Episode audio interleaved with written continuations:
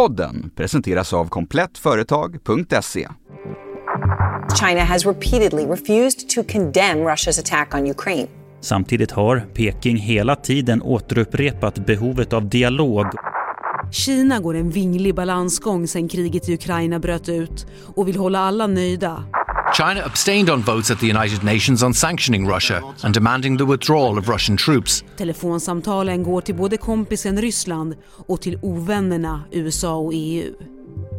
På en kvart får du veta vad som förenar Ryssland och Kina och varför det ändå är uteslutet för Kina att helt backa Vladimir Putins krig. The White House sending a major warning to Beijing. Det är fredag den 18 mars och jag heter Fanny Härgestam. Här är dagens story från Svenska Dagbladet.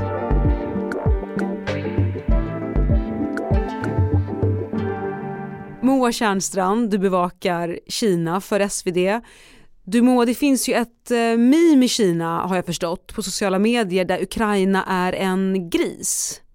Berätta om det här. Det är en bild där en gris slaktas av en grupp människor och den här grisen har en namnskylt där det står Ukraina och sen så står det en annan gris och betraktar det här som händer då och den har en namnskylt där det står Taiwan.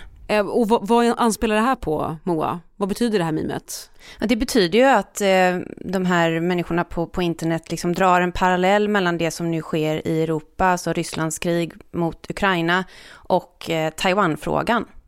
Vi kommer återkomma till det här med Taiwan lite senare i avsnittet, men vi börjar lite enklare här med det här med att Kina inte riktigt har valt sida i kriget i Ukraina än. Varför då? Det är ju väldigt medvetet som man inte har gjort det. Peking vill inte reta upp någon av sidorna, man vill inte reta upp Ryssland som man står nära. Men samtidigt då så vill ju Kina inte försämra sin relation med Europa, framför allt kanske, men också med USA. Man har ju redan väldigt spänd stämning där, speciellt med, eller med USA efter handelskrig. Så man, man försöker att balansera mellan de här olika parterna kan man säga. Men framförallt så handlar det om pengar. EU är en väldigt viktig handelspartner för Kina och Ryssland är inte det. Mm. Det står helt enkelt för mycket på spel för Kina för att de ska eh, rätt och slätt ställa sig på Rysslands sida i kriget. Jag tänker på den här kompisrelationen bara mellan Ryssland och Kina. Om du kan berätta lite mer Moa, vad bygger den här relationen på? Eh, Ryssland och Kina står varandra nära. De eh, har en starkare relation på många decennier.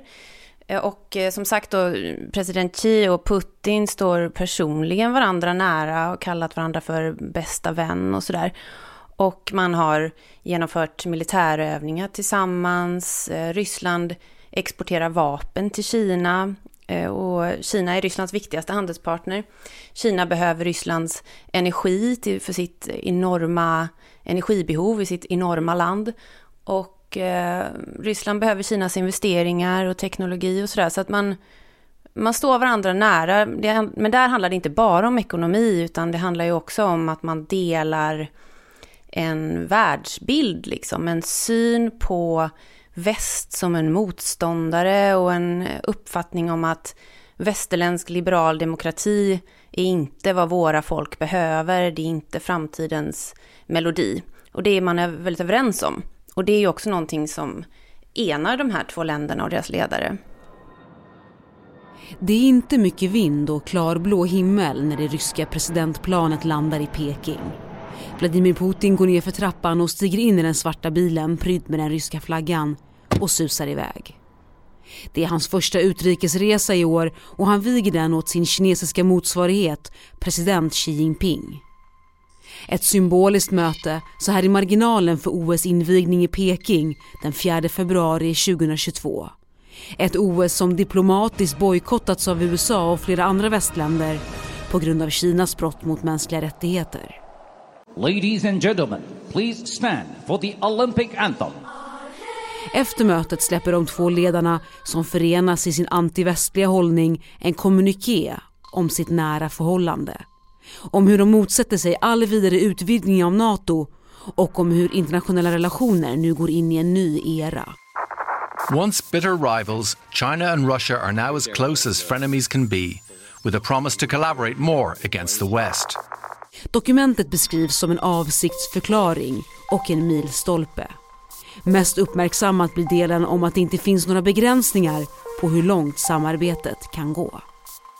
Berätta, alltså vad, vad finns det i det här avtalet? Man kan väl säga att det, det har uppfattats av många som en förklaring om ett skifte i världsordningen, liksom, där USA inte längre är, ledaren. Och eh, det handlar väldigt mycket om just den globala maktordningen och de här båda ländernas då samsyn på den.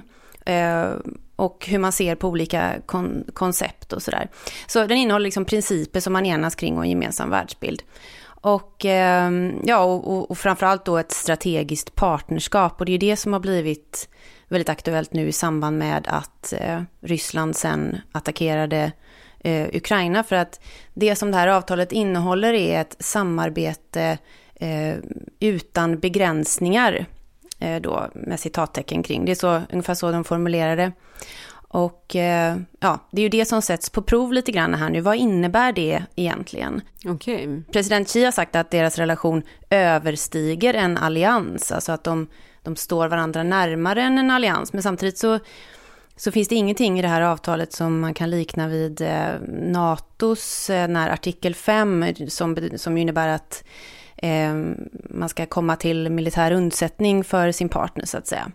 Visst är det så att de delar en grundsyn i utrikespolitiken, det här med att ingen ska lägga sig i? Ja, det är väldigt uttalat från Kinas sida i alla fall att, eh, att, eh, att eh, deras, alltså, Kinas utrikespolitik vilar liksom på den grundprincipen att länder ska inte blanda sig i andra länders inre angelägenheter.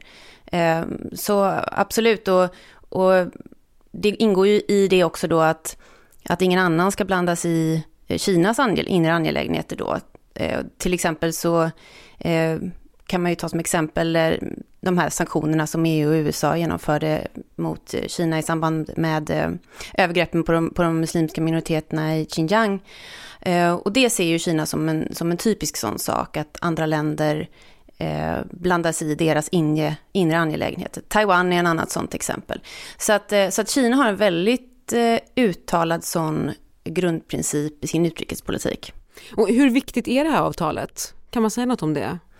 Ja, det är ju väldigt viktigt. Alltså, det är ju många som säger att det är, är att det just är en symbol för eh, att de här länderna ser liksom ett eh, systemskifte där den världsordningen så som vi har sett den hittills eh, kommer att förändras. Och, och, och, och, särskilt betraktat utifrån det här kriget nu så blir det väl intressant att se vad det här avtalet eh, är värt och hur de olika parterna ser på det. Och bara några dagar sedan kom uppgifter från USA om att Ryssland ska ha bett Kina om militär hjälp nu i, i kriget. Eh, kommer de få det? Ja, för det första ska man väl säga att det här är ju då uppgifter som har kommit inifrån, eh, som har kommit från amerikanska tjänstemän någonstans till en amerikansk tidning och de har inte bekräftats från varken Moskva eller Peking så att det är väldigt svårt att veta vad eh, de betyder egentligen. Men jag pratade med en forskare igår om det här och eh, hon sa att det var, det var väldigt otydligt i nuläget om de stämmer. Vad det i sådana fall är som Eh, Moskva frågar efter. Är det ekonomisk hjälp, är det militär hjälp eller är det något annat? Eh, men man kan väl säga så här att Peking skulle gå in och militärt hjälpa Ryssland, det är det inte många som tror är sannolikt av de som jag pratar med. Eh, av många olika orsaker. Men en, en, en, enkel detalj till exempel är ju att det är inte så enkelt som att de bara skulle kunna skicka ammunition. För man använder inte samma ammunition, man använder inte samma vapen. Mm. Men såklart sen också av större geopolitiska orsaker, det som vi har pratat om, liksom att det står på, för mycket på spel eh, för Kina. Och kriget rasar ju, men om det skulle bli aktuellt med medling, då är ju Kina nämnt som en möjlig medlare. Varför just Kina? Ja, egentligen så är det väl mycket för att eh, varken EU eller USA skulle accepteras av Ryssland eh, som medlare i det här. Eh, medan Kina kanske skulle accepteras av Ryssland och kanske av Ukraina också. Och EUs utrikeschef eh, Borrell, han har ju redan öppnat upp för en möjlighet att Kina faktiskt skulle kunna gå in och medla då. Så att, Eh, Eh, det, är väl, det är väl fler som tror att det skulle kunna vara en, en möjlighet, men, men man ska ju komma ihåg där då att Kina är, brukar generellt inte vara så intresserade av att bedriva diplomati liksom inför öppen ridå på det viset. Och eh, jag, jag pratade med en, en, forskare om det här häromdagen och hon, hon påpekade att Kina har varit inblandad i medling tidigare, som, som till exempel kärnvapennedrustningen på Koreahalvön, men det man har gjort då är mer att man har liksom logistiskt erbjudit en plats och hjälpt till på det sättet. Men man har inte varit den parten som har liksom jobbat fram olika kompromisser och förslag och lösningar utifrån parternas olika ståndpunkter och så. Dear friends. Good morning. För 2000 år sedan byggdes Sidenvägen som förenade öst och väst, Asien och Europa. Nu har vi börjat bygga en ny väg som ska förena kontinenten, säger Kinas president Xi Jinping från talarstolen. Today, as I stand here and look back at that episode of history, I could almost hear the camel bells echoing in the mountains. Det här talet vid Nazarbayev-universitetet i Kazakstan hösten 2013 blev början på det som har kallats världshistoriens största infrastrukturprojekt den nya Sidenvägen. Det brukar förkortas BRI som står för Belt and Road Initiative och innebär enorma investeringar i flera delar av världen, inte minst i östra Europa. Här byggs med kinesiska pengar allt från järnvägar till hamnar och 4G. Även Ukraina ingår i den här satsningen och Kina har nu investerat i framförallt Ukrainas hamnstäder längs Svarta havet. Det här är kaffepengar på det stora hela för Kina men ett krig betyder instabilitet och det är inget som Kina önskar. Vi ser nu hur Ryssland isoleras av ett enat Europa och USA. Om man är lite krass, är det här bra för Kina på något sätt? Moa? Ja, men på ett sätt eh, skulle det väl kunna vara bra för Kina att Ryssland liksom trycks mot Kina. Det kan finnas ekonomiska eh, vinningar i det. Eh, sen så om man tittar i lite större perspektiv så kan man väl också säga att när det, på, när det här kriget pågår i Europa så kommer USAs ögon att riktas ganska mycket mot det här kriget och, och västs uppmärksamhet. Och det gör ju någonstans att lite av uppmärksamheten man har haft på Kina eh, kommer att försvinna. Och det kan man också se som en, som en eh, fördel. Eh, å andra sidan så har ju det här kriget resulterat i att EU har blivit eh, mer sammanhållet. Och det är ju raka motsatsen till vad man vill se i Peking. Och apropå sociala medier som vi pratade lite om i början. Du sa ju till mig när vi snackade inför det här avsnittet att det pratas ju en hel del om eh, Taiwan Eh, på sociala medier i Kina och att det dras paralleller mellan Ryssland och Ukraina å ena sidan och så Kina och Taiwan och andra. Eh, berätta lite mer om det. Hur, hur då? Ja, i, i, Kina, i kinesisk media då så, så, följer man väldigt mycket den här ryska linjen om att kriget, eh, att det inte handlar om ett krig mot Ukraina utan att Ryssland ska ha det som tillhör Ryssland. Men egentligen så är ju det här två ganska olika situationer. Man kan inte riktigt jämföra Ryssland, Ukraina och Kina, Taiwan eftersom att Ukraina är en suverän stat och det är ju inte eh, Taiwan även om landet fungerar som en självständig stat. Men på Kinas internet så drar man ju de här parallellerna hela tiden eh, förstås. Men från Pekings sida officiellt så är det här ingenting man pratar om, eller? Nej, det gör man ju inte. Man pratar väldigt lite om det här kriget överhuvudtaget skulle jag säga. Om, om man tittar på media i Kina så dröjde det ganska, ganska länge innan man började rapportera ordentligt om det som pågick och, och innan man eh, sta, alltså statlig media och sådär och, och i sociala medier så censurerar man ganska mycket och så. Så det är svårt att få en, om man bor i Kina är det svårt att få en, en, liksom en bild av vad det är som pågår i Ryssland egentligen. Mm. Och um, avslutningsvis då framåt Moa, jag tänker vad gäller att hålla koll på nu i Kina och kriget i Ukraina?